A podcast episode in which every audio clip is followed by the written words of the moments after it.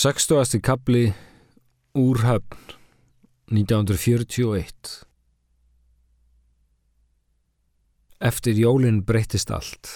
Jón hinn kurtis í krabbi byrtist með nýjássól í kvítu hári og saði sloks hafa náða að selja sendiráðs íbúðuna. Nýjinn fluttur þýskur mentafröðmuður og eiginkona hans væri væntalega innan viku. Hann mun starfa í mentamálaráðunetinu og hafa þar yfir umsjón með uppfræðslu danskra barna þeir ætla sér að gera betur í þeim málaflokki. Hvað krabbi og lagði engan dóm í orð sín fremur en fyrr. Ég skildi eftir miða í kæliskapnum handa nýjum íbúum. Börn sem kunna þýsku eru barinn í danskum skólum. Var þetta nokkuð annað en kollaborasjón? Það hefði mótt skjóta mig á frelsistægin eins og skaldið kampan. Við mamma fengum inn hjá Killu, sýstur pappa sem enn bjó í Dalmósi á Sjálandi á sann færiskum eiginmanni. Þar voru einnig landar hans prútt og pírekt fólk sem var okkur kær komið í Íslendikaleysi stríðsárana. Þar sem færiengar eru enn minni þjóð en við líður okkur svo dæmalust vel með þeim. Við þurfum ekki að rembast við að standa okkur eins og akkvart öðrum Norðurlanda þjóðum. Mér leið ágætlaða þarna hjá Killu Frængu og skemmti mér við að flytja sjálensk fjöll með steinvölu kasti en nautgripir eru víst það eina sem rýs upp af ökrunum þar.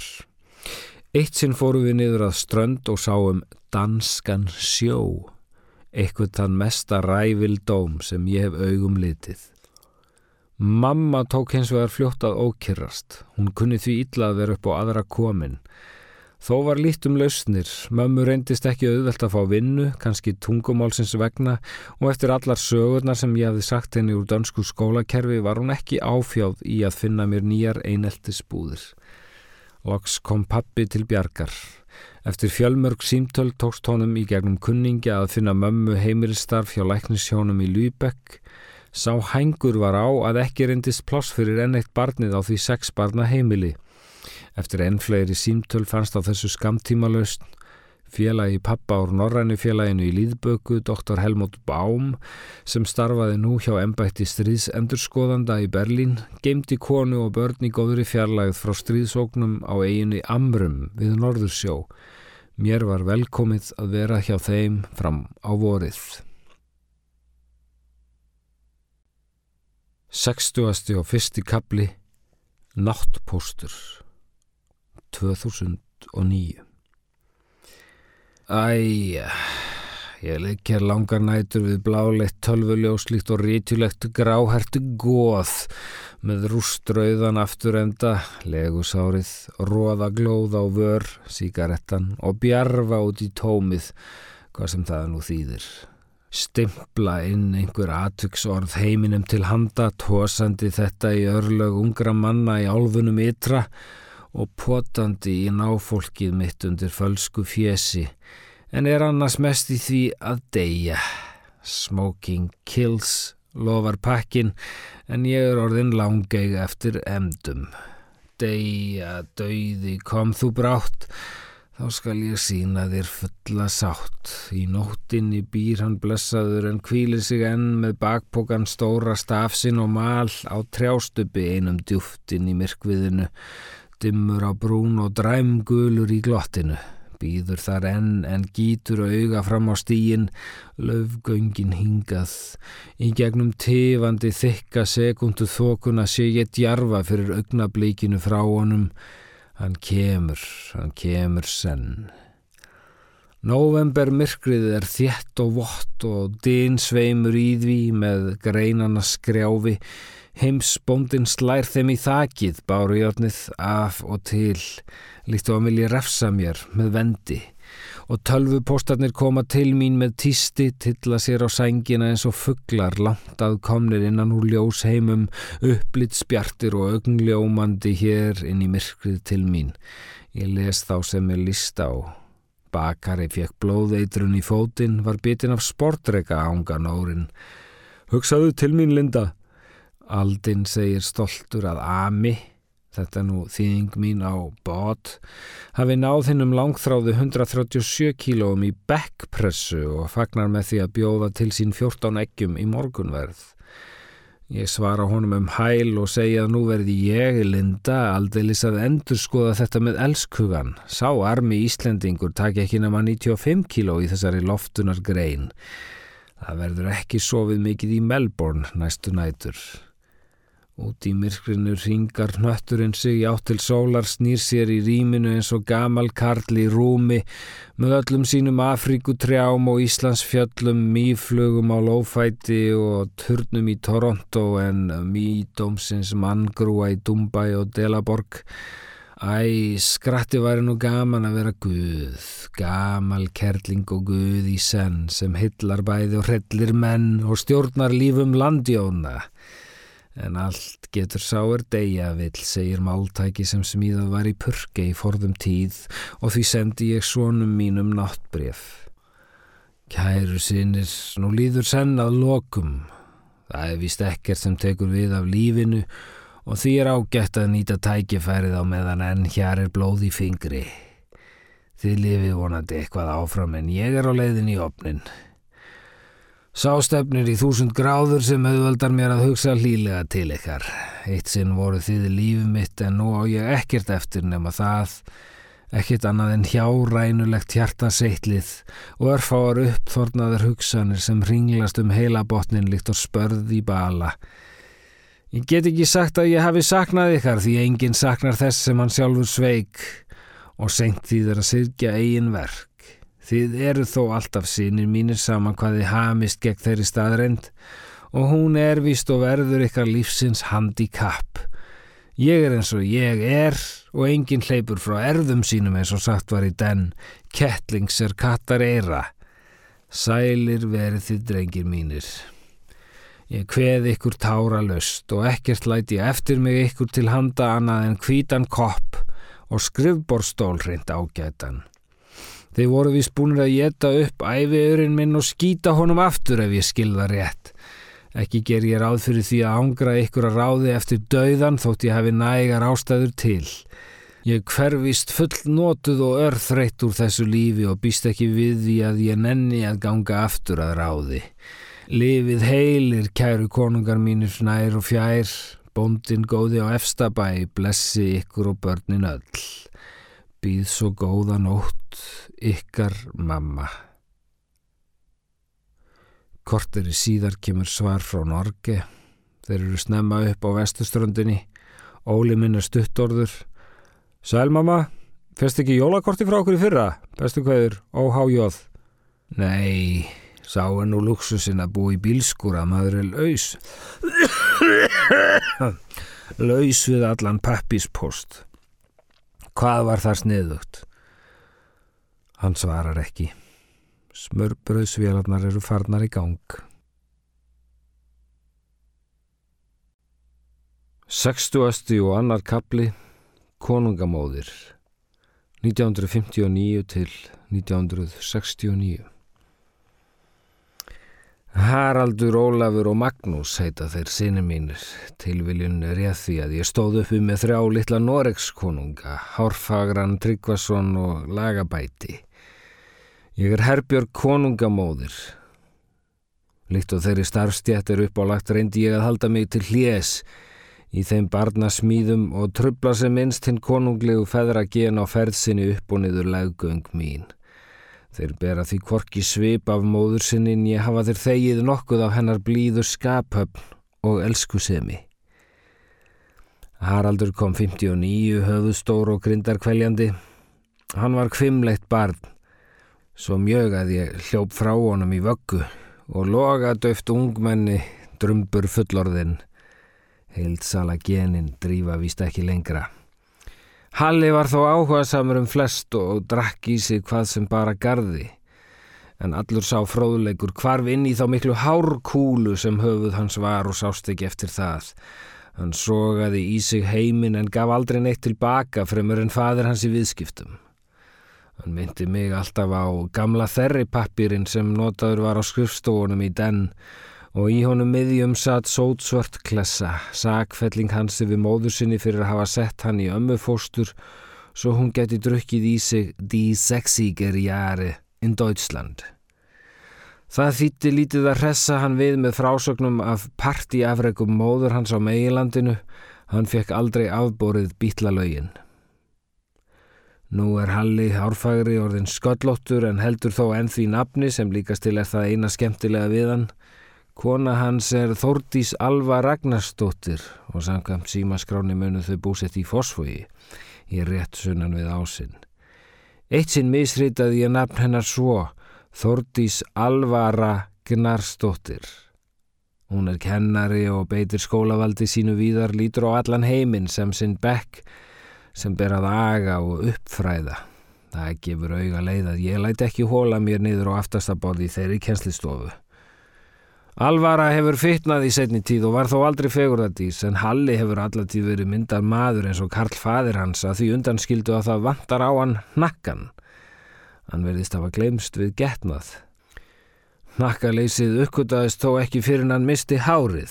Það gerir hann gráðugan til baksöpsins og minnir á svín. En Halli hefur tekið mest af tímans fytu á sínar herðar. Gölldótt útlitið nýtist honum þó vel í samningum.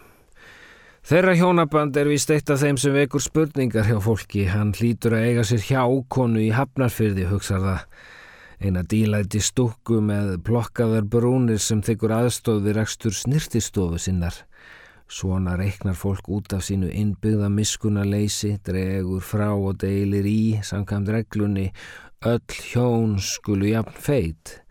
En sjálfsagt er það rétt, sjálfsagt rekur hann litla hjákonu í Hafnarsfyrði, annarkur þar eða í Kópavogi. Hann myndi aldrei reyna slikt í Reykjavík, sá akkurat maður sem hann er. Börn eiga þau fjögur að mér minnir, Fridrik Hans, Guðrúnu Marsibil og tvö önnur sem ég mann og ekki nöfnin á. Halli er fættur lögfræðingur og hefði því mátt spara sér háskólanámið. Ég bauðst til að votta að drengurinn þyrti engin próf. Hann hefði lögsótt móður sína strax á fjórða aldursári, stemt henni fyrir Almanadóm Íslands fyrir vanrækslu og unnið fjölmörg mál gegn henni eftir það. Sérgæskan veldur því þó að hann hefur aldrei varið annað en sjálfan sig. Því varð braskið hans búgrein. Aðal starfi Halla er að eiga hús og íbúðir sem annað fólk býr í. Já, tilgangu lífsins var vist aldrei kendur í lagadelt H.I.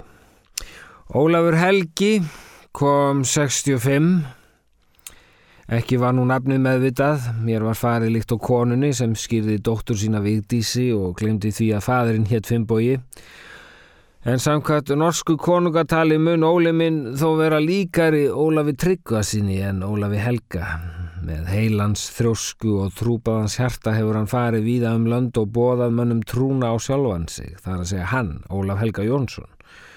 Hann fekk snemma áhuga á matseld og kenni ég sjálfur mér um, svo eldalöð sem ég var en sísvangur hann.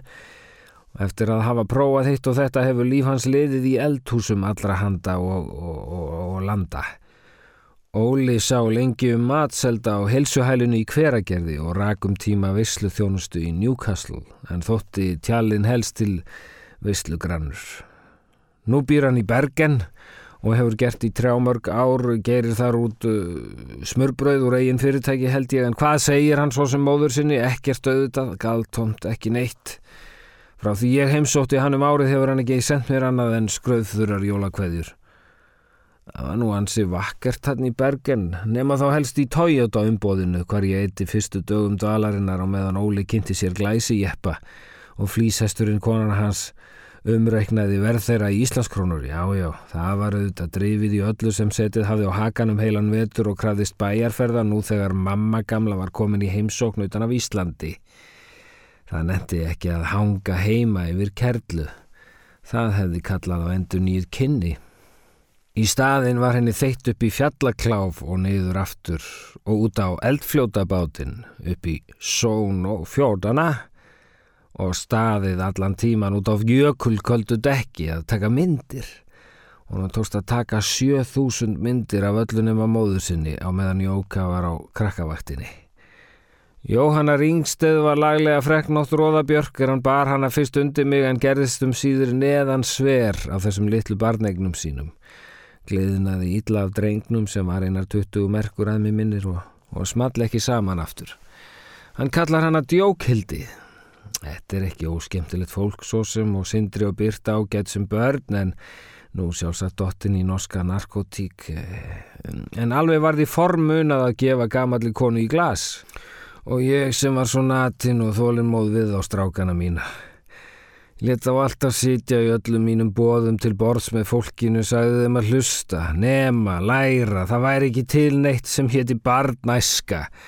Slíkt væri bara sænskur áróður, æskan væri ofmetinn, aðeins byðstofa lífsinn sem bráðum hæfist og um að gera nota tíman á ykkar aldri.